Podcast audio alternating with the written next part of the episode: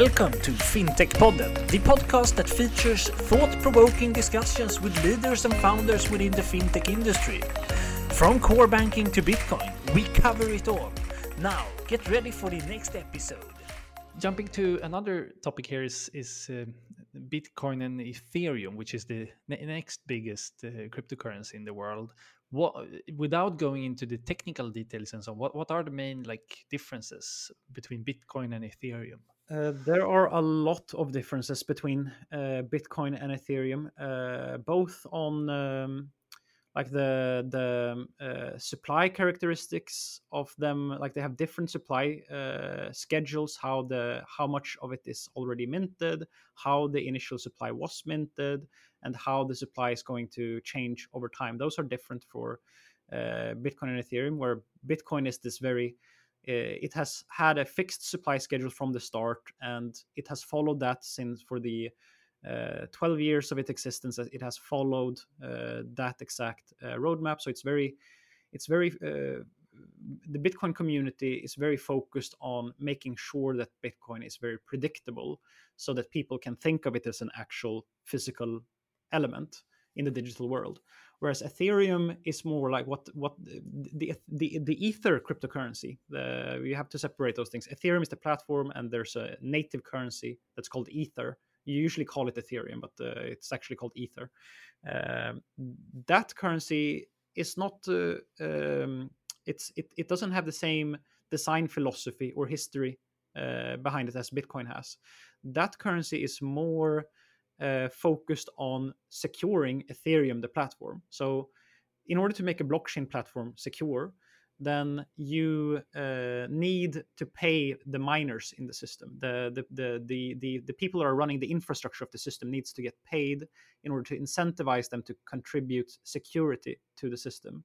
In, in, in, in Bitcoin, the whole system is focused around like all the design choices are always focused around making sure that the, the Bitcoin currency system is predictable and reliable Whereas in Ethereum, it's sort of the other way around, where Ether, the cryptocurrency, is used in such a way that it's meant to help facilitate the security of like the, the, the security of the platform comes first. Uh, and Ether is a tool in order to sec- secure the platform. Whereas in Bitcoin, the technology is a, t- a tool to secure the currency. So they have different philosophies around uh, that. And uh, I think that the, one of the reasons for that, like Ethereum, is so much more than just it's like Bitcoin is this yellow, uh, this this uh, this uh, digital gold, very uh, like a, it's supposed to be simple and uncomplicated and risk free. It's just like a stone, a digital stone that you have that you can store yeah. your wealth in.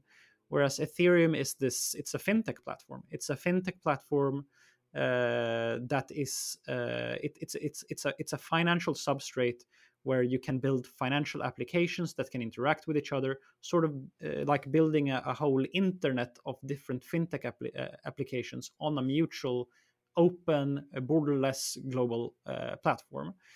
Mm-hmm. So they are very, very different uh, pieces of technology, and they are also very different as assets. And um, then another big thing I think that should probably be mentioned in this context is that Ethereum is moving to a different consensus algorithm. I mean, if you've heard about Bitcoin, one of the things that you've probably heard is that Bitcoin has a, a, a Bitcoin, the Bitcoin network consumes a lot of electricity to secure its network. Uh, that's because of it. It uses a consensus algorithm called proof of work. So the security in the system actually comes from these large mining halls where you're burning electricity to create cryptographic security in the system. Uh, whereas Ethereum is moving to a different consensus algorithm where the security in the system comes from people log- uh, locking up their liquidity in the system and partici- uh, participating in a in a type of uh, uh, uh in, in, a type of algorithm that secures the network. So they are very different there are very different uh, systems, uh, and I think that one of the one of the reasons that some people will get interested in Ethereum is that they believe that it's the green alternative, mm. and they believe that Bitcoin is the one with a, uh, that is bad for the environment. uh, I don't think uh, that way about. I mean, I, when I when I invest in Bitcoin and Ethereum, I think about this greenness label that Ethereum will have. But when I make a rational, like my own assessment of these systems, I don't think that uh, Bitcoin. I think that Bitcoin can actually be good for uh, the development of uh, efficient uh, renew- uh, renewable energy sources. Yeah, I mean it it, it has to do with what you can compare with or like what what do you compare with what we have yeah. today the the energy that consumes consumes and what a world with only bitcoin would yeah or... yeah i mean yes uh, for, for instance like the the fiat like the current monetary system that we have is also extremely costly but that's not the, really the the thing that i'm talking about i'm talking about when people look at the energy numbers when people look at the uh, the the numbers of uh, terawatt hours that the Bitcoin network consumes.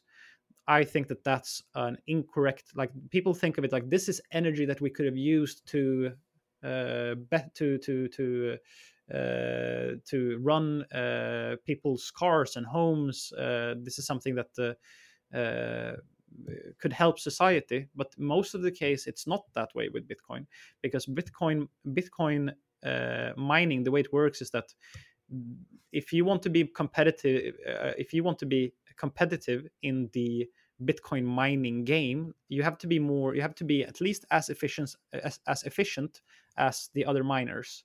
So it means that you need to have an energy source that has as low uh, of a cost as the other miners do. And the cheapest energy source in the world is uh, actually renewable energy sources that are locked, uh, trapped in some specific region. So let's say there's a waterfall somewhere, but there's except the, the amount of energy that you can get from that waterfall is too much that the, then the region uses. So uh, you have this excess energy that you cannot do anything with. Uh, if you mine Bitcoin with that excess energy, then uh, your cost like the, the the the the price that you have to pay i mean you would have you would have thrown this energy away otherwise. So it would have zero value to society. It has zero cost to you but it can be used to to mine bitcoin with. And then of, then all of a sudden that energy does have value to you. And you will look when you look at the numbers you will see that there's a the bitcoin network consumes this enormous amount of electricity.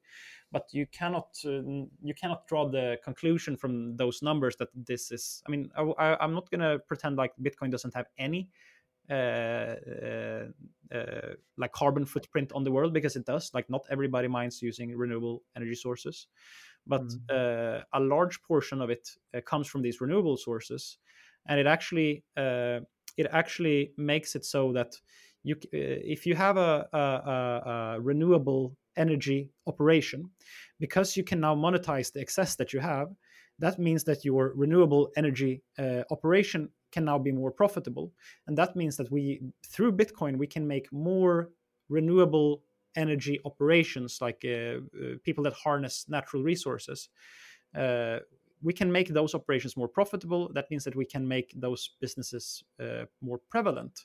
So I think that Bitcoin actually can help to make to to get uh, renewable energy uh, extractors profitable, and that can actually have a, a, a, net benefit in the end. That's really interesting. I think, I mean, not many people have have thought about, or like people who are not into Bitcoin, of course, have not been thinking in those ways at, at all.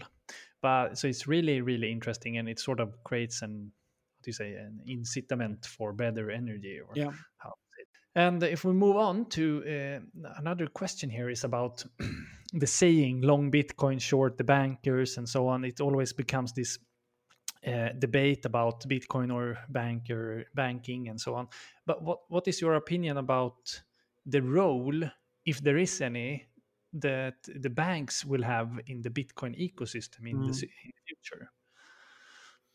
Yeah, um, I mean that's. Um, I think uh, we had we had uh, in, at my previous company we once had like a, a hackathon day where we got uh, divided into different groups and i got to put together with the ceo of the uh, company on a project where we were supposed to visualize what does because we were de- de- developing technology solutions for uh, banks uh, at Cinnober. So Mhm. so um, our project was to in, to envision, try to envision what does a bank look like uh, ten years from now, and how can we start building solutions today that will be of benefit to those banks ten years from now. But I Mhm. think uh, what I was thinking to myself was like, are we even sure that we will have banks?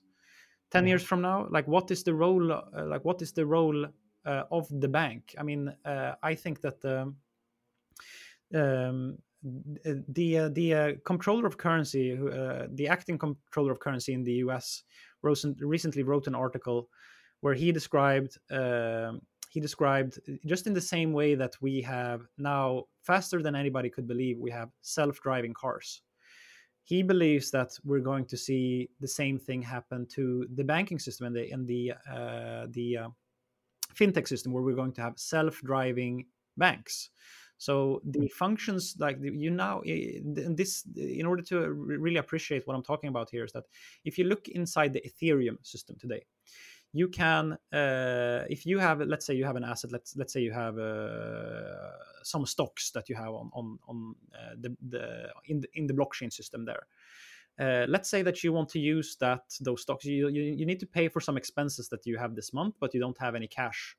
You what you can do inside of ethereum system using uh, these smart contracts which are which are autonomous programs inside the protocol itself you can get a loan you can get a loan uh, for dollars so that you can pay your ongoing expenses for the month.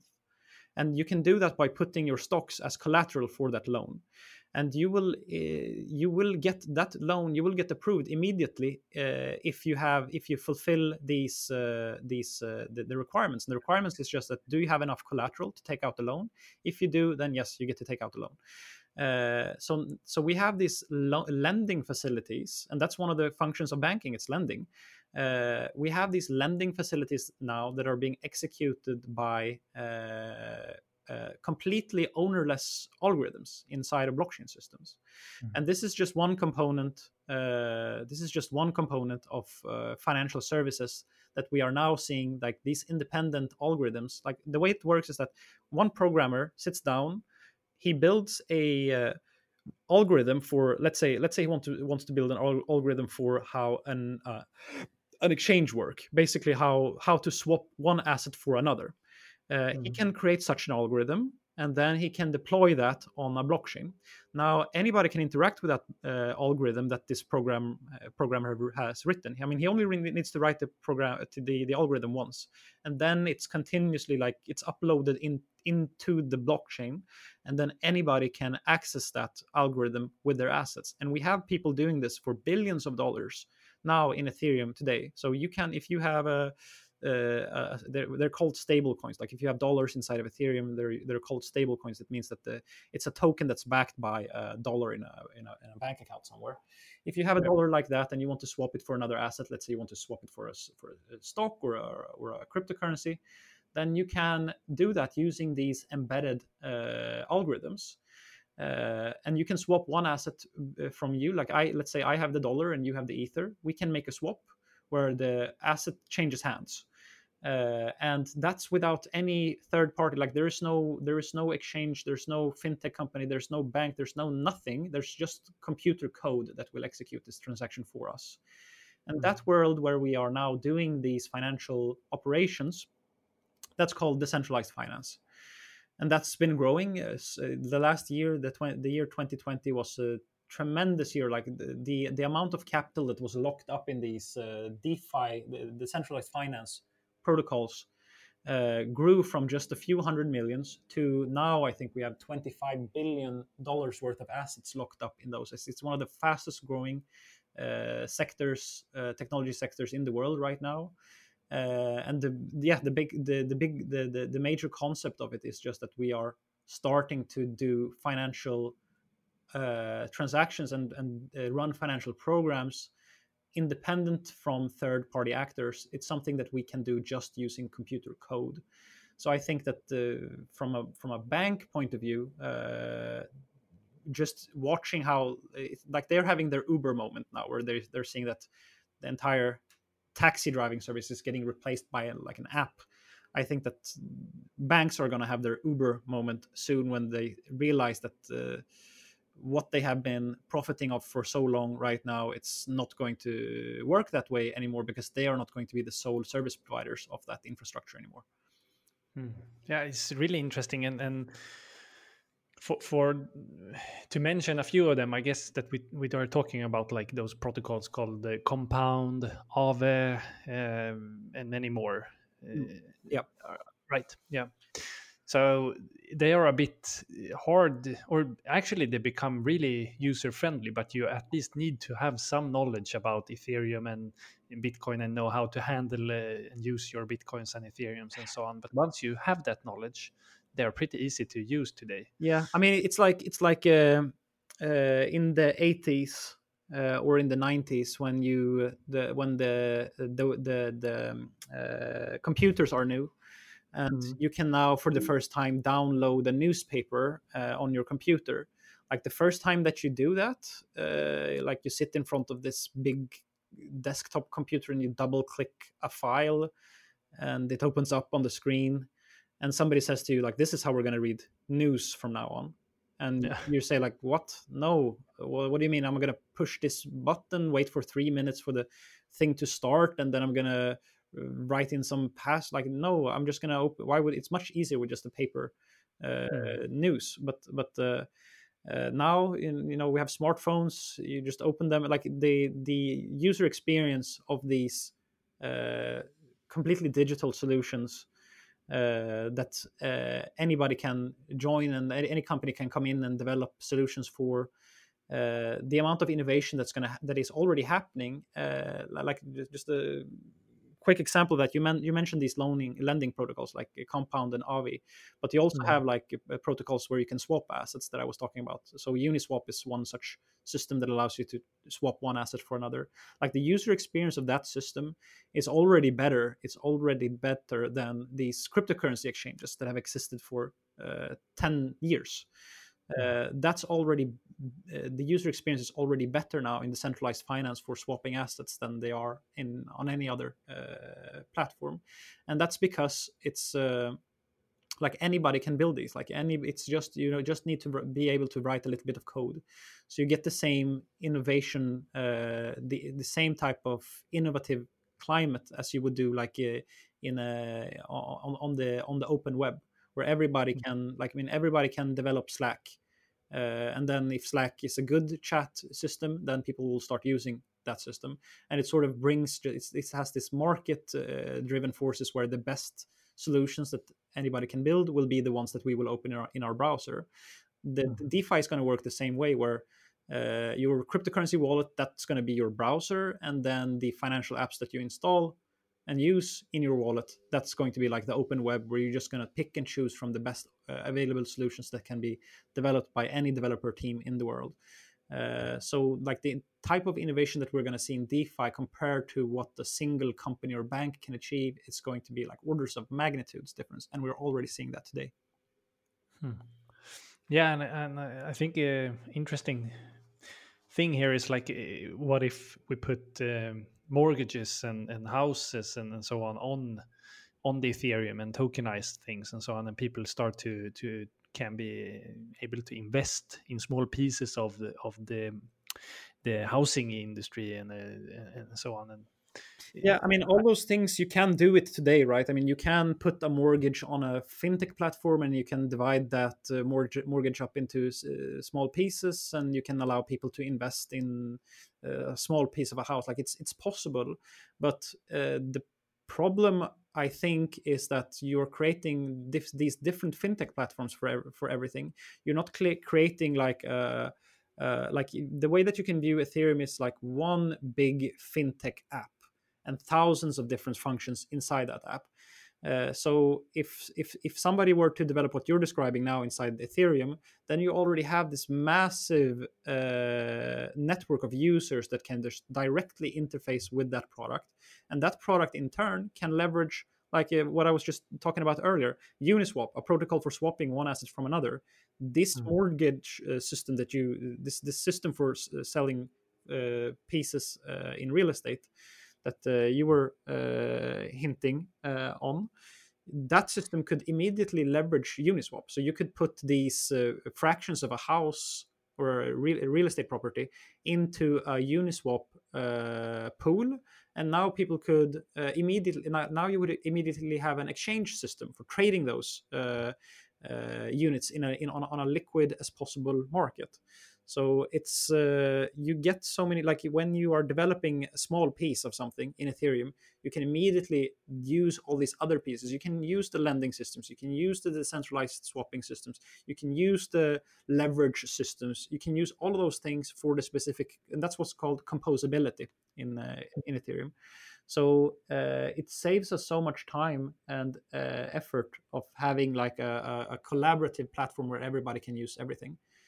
Uh, so I think that's. I mean, it's not that we cannot make financial innovation happen in the traditional fintech world. It's just that it's much easier, and uh, the the user experience and the way that apps can interact with each other is just on a wholly different level in a, in a in a in a open uh, blockchain system.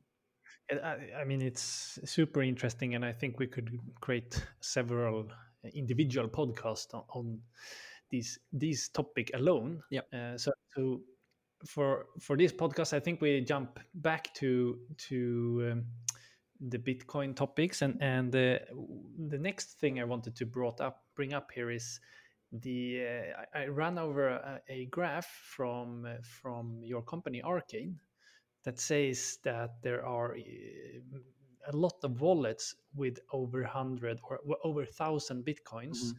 That are in, the amounts of those bit, uh, those wallets are increasing sharply today Yeah. and what, what what does that really mean in your opinion Uh, it has to do with uh, that. Um, I mean, uh, uh, a thousand, uh, a thousand Bitcoin. That's uh, by today's number, that would be thirty-one million dollars, I think.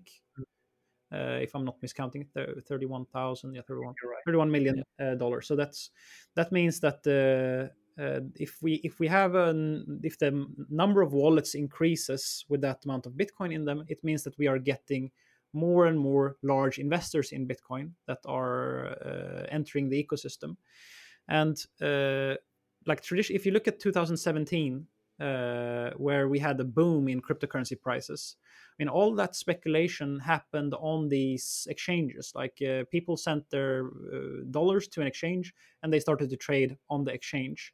But uh, as soon as the prices went down again, people sold those bitcoins again. Uh, so you didn't really see like all all the bitcoins stayed on the exchange. They didn't really move in and out of the exchanges. Whereas now, because now we're in a different, it's a different world of, for Bitcoin right now. We have uh, institutional investors that are coming into Bitcoin, building out positions, and when when they have when these institutional investors and professional investors and long term holders allocate to Bitcoin, they are doing that with a long term view. So they withdraw the assets from the exchange. They put their in they, they put the funds into their own wallets and they lock them away. So that they now have a they're I mean they're securing their position uh, in the finite supply of Bitcoin. They're carving out a small slice for themselves, and they're securing that. And they, these people, they don't really have a. Uh, I mean, they're they, mo- most of these investors, I think, think about uh, Bitcoin that it's going to become a competitor to gold. So they are envisioning like, I'm not going to sell this until Bitcoin is worth four hundred or five hundred thousand dollars. Uh, so that's why they are withdrawing it to their own uh, uh, wallets uh, where, where they are responsible for the security themselves. Um, so I think that's um, that's the reason why you see this uptick. It's because we have institutional investors with a long-term focus, uh, and it's just another indicator. Uh, it's just another uh, thing that's indicative that we are in a much more mature phase of Bitcoin's uh, life cycle now, where people are actually using the system where it's intended to be and are not just speculating in it. We, I think we can see that people are investing in Bitcoin now because we see these wallets increasing. So very interesting. And, and during last year, we have seen companies such as uh, MicroStrategy, Square, and, and probably some others that, that I don't know about, but th- and they have invested in Bitcoin on the company's balance sheet. Mm. Um, what are your thoughts on that? And, and do you expect uh, more companies to join that Mm. trend? I think that the MicroStrategy was probably a bit of a pioneer. Um, I think that they, I, I think that we're, we're going to see. Uh, I mean, MicroStrategy was pretty unique in that way that they converted their entire balance sheet to Bitcoin, which is, uh, I mean, I think I think that the, what we're going to see is that a lot of companies uh, will purchase Bitcoin as a part of their uh, corporate treasury. Uh, because it uh, in the same way that you can buy gold to offset some of the risks of uh, macroeconomic instability you can uh, acquire bitcoin for, for that same purpose but i think that micro microstrategy had uh, microstrategy did this because they found bitcoin to be extremely undervalued and they made it more like a financial bet um so but they i mean it's it's interesting what they wrote. Like they said that they viewed they viewed that when they saw the extreme uh the extreme reactions from central banks worldwide uh, and the i mean 25% of all the dollars that are in circulation right now was created uh, last year.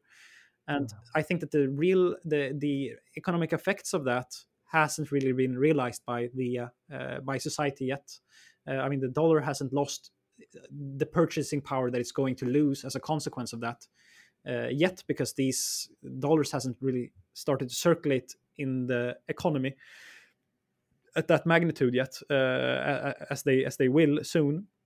So, MicroStrategy described it as that they see their dollars on their balance sheet like this big melting ice cube, and they want to allocate to an asset that is finite. Uh, mm. and if you have if you if you made a decision that you want to allocate to something that is finite then i think you have like two two options. You can either invest in gold or you can invest in bitcoin. And if you understand the properties of bitcoin then you can come to the conclusion that bitcoin is like gold but it's better in almost every conceivable way.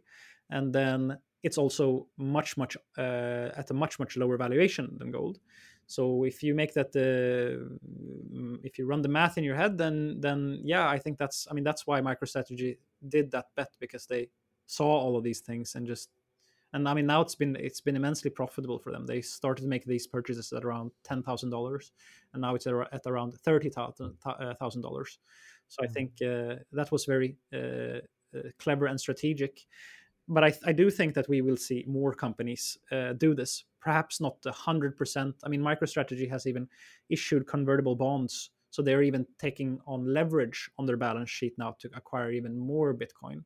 And I think mm-hmm. that they are uh, they are just really really bullish on Bitcoin, and they're turning their whole company into one big massive Bitcoin bet. But it's uh, probably not something that we're going to see other companies uh, mirror exactly. But yeah, I think that what we can say is that Bitcoin is finding a position in investors' portfolios as something that makes sense to have. Like it's a hedge against uh, it's a hedge against inflation. It's an uncorrelated asset. It's good. It's genuinely like a good asset to have uh, in your portfolio. And now it's at the point where it's like mature and people uh, respect uh, and understand Bitcoin at a different level. It's not this it's not this Sudoku puzzle that you buy heroin with on the darknet anymore. It is this real financial asset. So mm. uh, as more that people understand the Bitcoin, I think more companies will allocate to it. Uh, and I think we're just in the very very beginning of that. Uh, wh- where do you see Bitcoin going the next five ten years? Uh, the next five ten years. I mean for, first of all now we're in a bitcoin uh, bull market right now and there's it's very difficult to say exactly where this bull market is going to top out. But do you think it will uh, that we're in sort of a bubble that will pop? I mean it, it's it's just one of the inherent nature or it's, it's it's in the inherent nature of bitcoin is that people don't understand what bitcoin is and the market the market attract, attracts so many speculators that just wants to get rich quickly because they have no it's i think it's really difficult to understand for people like uh, most people cannot do this comparison to gold and uh, think about bitcoin's valuation that way. They just see the price going up and it uh, because bitcoin is like open for retail investors all over the world it's very accessible uh, every time that the price goes up it leads to people just jumping on the bandwagon but they don't understand what they're doing at all and then it uh, the the price goes up even faster and the faster it goes up the the more people start to invest in it because they get stressed by the price moving up and then when it's at one point stops going up super fast then these people sit with these bitcoins and all of a sudden they wonder like what am i what i don't even understand what this is. And then they mm-hmm. sell it. And then when people see that these uh, imaginary digital tokens that they bought are losing value and they're losing what they consider to be the real dollars then they get nervous and they sell. So we always like it's just in the inherent nature of bitcoin uh, I mean, it happens in other assets as well. It happens in the stock market all the time as well. But it's just that it happens happens even more in Bitcoin because people understand it uh, so less. Um, so yes, I mean now uh, people were thinking that because it's institutions that are allocating to Bitcoin now, it's going to be much more slow paced. But I was sort of fully expecting that once we cross twenty thousand dollars, then the price is going to shoot up because uh, that's when the news article starts to write about Bitcoin, and that's when everybody reacts like, "Oh shit, it's past the previous its previous peak," and then they uh, realize that they have were wrong to dismiss it the previous time, and they think it's going to be a new bubble. So um, I think. Uh, I think that yes, it's unavoidable that we're going to have a new bubble in Bitcoin, and mm. uh, now i think that that bubble is it could be much much larger than uh, uh, anything that we have seen before because we have this institutional backing this time mm. um, so it could be much much greater uh, but that's just like that's just in the short term like, like it, it could be like it could it could top out now at $40000 but i think it's more likely that it tops out much higher than that like some somewhere above $70000 uh, it could be even be above a hundred thousand dollars where it could uh, top out. Like I don't make those assessments based on like what if if you ask me like when is the the the price top in in Bitcoin like where is the top going to be? I don't make those calls based on like I, I cannot say like oh it's going to be three times higher than now. I mm. make those calls based on when I see that we are climaxing in terms of how euphoric and irrational people are acting. When I see hmm. that people are just throwing, like people that you wouldn't even think would even know how to buy Bitcoin, when those people are throwing uh, ridiculous amounts of, bit, of money into Bitcoin with no idea of what they're doing, that's what I, I, I refer to it as froth, and it's a actually an established name for it. It's the it's the froth is the, what you would see on top of a champagne glass, the bubbles on top. Uh, so that that uh, it's the level of froth like how frothy like how much bubbles do we see on the surface? Mm-hmm. that is when when i'm gonna say it's like the irrationality of the market is, is, is too high right now. And i back in the 2017 uh, bubble i did get those vibes at around uh, seventeen thousand dollars, and I wrote an article about that the that the, the, markets were too frothy and it was time to short. I don't think that we are at that point in Bitcoin right now. Uh, but so mm-hmm. when you, when you ask me five years, ten years from now, I think I do think that in five years' time, we Bitcoin can reach a similar uh, market cap, a similar global, a, a, similar aggregate value to as, as gold has. So I think five years from now, uh, four four hundred to five hundred thousand dollars per Bitcoin is definitely mm-hmm. in the cards and 10 years from now i think that i don't think uh, because i don't think that bitcoin is really going to stop at the point where gold has stopped. I mean gold has stopped. I mean gold is a failed asset. I mean it's it's it's the money that failed that only remains as a niche store of value now that you cannot really use for uh, commercial transactions. You cannot really use it uh, for commerce I think that hmm. Bitcoin has a much greater likelihood to actually both become a store of value, but also to become a medium of exchange. And I think 10 years from now is probably when we are going to see Bitcoin expand from just a digital gold into something that resembles a universal uh, money. Uh, but I don't think that we're going to get the full way uh, there in 10 years. I think that we're going to have started that journey in 10 years. So if you ask me like what's the price of Bitcoin going to be in 10 years from now, uh, uh, poss- possibly it could be around $1 million per, per Bitcoin. Very interesting. And, and for, for listeners who, who never have bought Bitcoin, where, where, where should they start? Do they go to an exchange or? Uh, yes. So uh, if you uh, if you want to buy actual bitcoins that you can have that you can store on your own hardware wallet, like if you want to uh, purchase real Bitcoin, then uh, uh, there is a Swedish exchange that I share office with. I'm actually sitting in this office right now, and I have a I have a coffee mug in front of me that says "Wake up, buy Bitcoin, repeat." And underneath it says trijo.se and those are the guys that i share uh, office uh, office with and they are the uh, first and only uh, swedish cryptocurrency uh, exchange. Um, like we have broker brokers in, in in sweden like btcx and Safello where you can buy uh, bitcoin directly from them but on trijo you can buy bitcoins directly from other people. Um, so it, it has the potential for having lower prices but you have to up for it, the, the, easiest way to like are there any other alternatives for yes yes uh, there is another alternative which is uh, uh, if you have a nordnet or avanza account then there's uh, certificates that you can buy and these certificates are interesting because uh, you can have them in an isk account so that means you don't have to pay the capital gains tax. You just pay a fixed, a small, much uh, smaller uh, tax on your whole uh, deposit. Uh, uh, and the certificate that used to be popular was, and still is probably the most popular, is the Bitcoin certificate from XBT Provider. I think it's called uh, Bitcoin Tracker One on on on the exchange. But there is a new one now that's called Bitcoin Zero and Bitcoin Zero is uh, it's actually has the same founder as Bitcoin Tracker One had, but uh, this Bitcoin Zero product has no fees. So Bitcoin Tracker One has, I think it's two or two point five percent management fees, whereas Bitcoin Zero has zero fees. So that's a very very attractive product that where you also don't have to pay the capital gains tax. So and, and are those safe?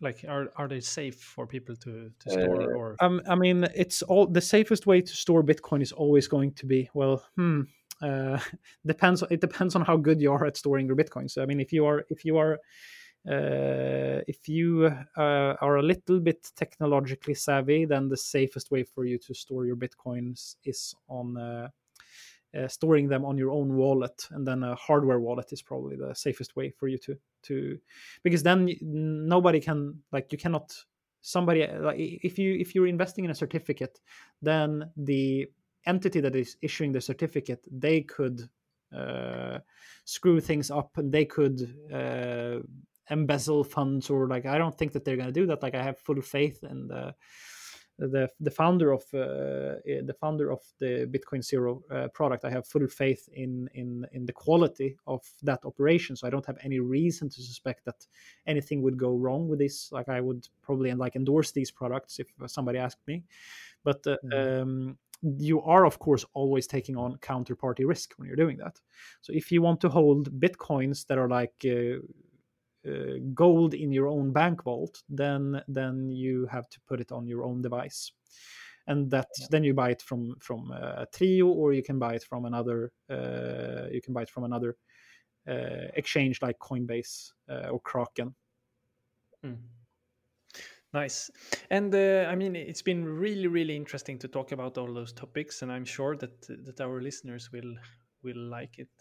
Uh, but before we we end, uh, I would like to get your your opinion on what are the biggest threats for Bitcoin failing. Mm. Uh, I think that probably, I mean, it's regulations. That's uh, the it's, that is the um, major battle that uh, Bitcoin will have to face in the future. I mean, uh, the positive thing about Bitcoin that we have talked about here that is open to everybody it's money that you can have on your own person that nobody can seize from you uh, that is going to be a very tough pill for governments to swallow. I mean, uh, Bitcoin is like it's like digital cash. It's like you, you you mean these paper notes that we have in our wallets. Bitcoin is like a digital version of that in terms of like. Uh, I mean, if I have the, the the cash in my wallet, then that's mine. I mean, it's not it's not a debt that the commercial bank has to me it's really like a, ownership of currency that I have in this paper format. That's what Bitcoin is in a digital form. But I think that if if uh, if we didn't have cash today, if society was cashless, then I think that probably uh, cash would be criminal. Uh, nowadays, I mean, uh, governments and central banks they are uh, just tightening their control of uh, of the, the currency system all the time, putting in uh, steeper and steeper regulations all the time, so that I think that cash would have a very difficult time being uh, passed by uh, any government in the world. And mm. Bitcoin is going to uh, face those challenges. Um, I think that uh, I mean the the Janet Janet Yellen, who just became head of treasury now that Steve Mnuchin was uh, is uh, out the door with the Trump administration is now already talking about uh, that Bitcoin is a heavy problem for uh, terrorist financing and that they need to do something about this. And that's just uh, that's just how it's going to be. Like governments are going to have to grapple with this. I think that the the positive thing is that I think what what uh, because Bitcoin is a univer- it's a global phenomenon uh, what countries are going to realize is that if they make Bitcoin like illegal or they impose these uh, privacy harming uh, rules around it, what's going to happen is that they're going to lose business to other countries. So if if if the US, for for example, imposes these very annoying regulations around cryptocurrency, then it, it means that US may no longer be the base for for Bitcoin. And it means that Bitcoin, like people will, will look to Asian companies to to uh, acquire Bitcoin, and those companies will. Uh, so so they'll lose a lot of business if they if they uh, if Bitcoin if Bitcoin becomes large. So what the what the countries will need to do in order to really combat Bitcoin uh, and not just shutting themselves out from Bitcoin, the phen- phenomenon, is that they will need to band together and build out mutual uh, uh, regulation that that harms Bitcoin. Uh, so that's, uh, I think, it's the biggest risk that like the G20 countries come together and say, oh, uh, Bitcoin needs to be banned. Um, yeah, and I think that so that's that's going to be like that's one of the things that you I mean, even if they say that Bitcoin is going to be banned, I don't think that, that you you cannot ban Bitcoin. You you can't. It's the same thing like uh, uh torrents, like uh, when you download files. Even though that uh, mm. the industry doesn't want you to download movies, people are doing that anyway and there are going to be countries where you cannot have access to financial services without using bitcoin. And in the same way that you perhaps cannot access netflix in those countries uh, you you use you use pirate bay instead. So i think that uh, one risk could be that bitcoin gets pushed down to be this darknet underground phenomenon um, uh, if it gets reg- heavily regulated away Eh, but you cannot completely uh, eliminate it. Uh, but of course, depending on what happens on with the regulations, that is going to very much impact how big Bitcoin can get. I think mm. one thing that speaks in favor of Bitcoin now is that we are. I think that this the governments have acted too late because this previous year we've had uh, institutional capital is basically it's flowing into bitcoin uh, right now. And I mean, the world is pretty corrupt. If there are large, large stakeholders, like you have BlackRock, that's the largest uh, uh, asset manager in the world, they mm-hmm. uh, re- just recently announced that they are going to start offer uh, Bitcoin futures to their customers.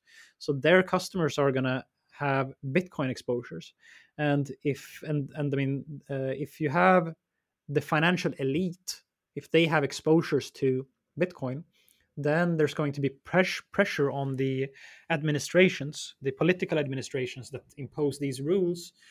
You know, that's just the way the things work. Like uh, when when these people meet and they have their golf uh, games, they're gonna agree. Okay, let's not like I have uh, my, my I have so much wealth uh, exposed to Bitcoin. Don't ban it because then I'm gonna lose uh, a lot of wealth. So I think the more Bitcoin infiltrates uh, the economy, the the the more has i mean the, these people that decide the rules they'll even have bitcoin themselves. Uh, mm. so uh, i think uh, it's happening too fast now and they have been slow too they have spent too much time ridiculing ridiculing bitcoin instead of trying to do something about it that they've lost the chance now to do to stop it. Yeah it's really interesting and um, we will have to wait and see what happens but uh, thank you so much eric wall for coming to fintech podding and sharing your knowledge it's been a pleasure to have you here absolutely and uh, until maybe we can have a follow-up podcast to see if your predictions goes in uh, i would love to have that in the future uh, but again thank you for coming and, and see you all right thanks so much for having me on and that was it for today's episode. We hope that you liked it. Both I and Johan are very happy and thankful that you're listening to us. And if you like what we do here, please go into iTunes or whatever platform you're listening from and leave a review or a rate. We would appreciate that a lot. We will soon be back with another episode, and until then, have a good time.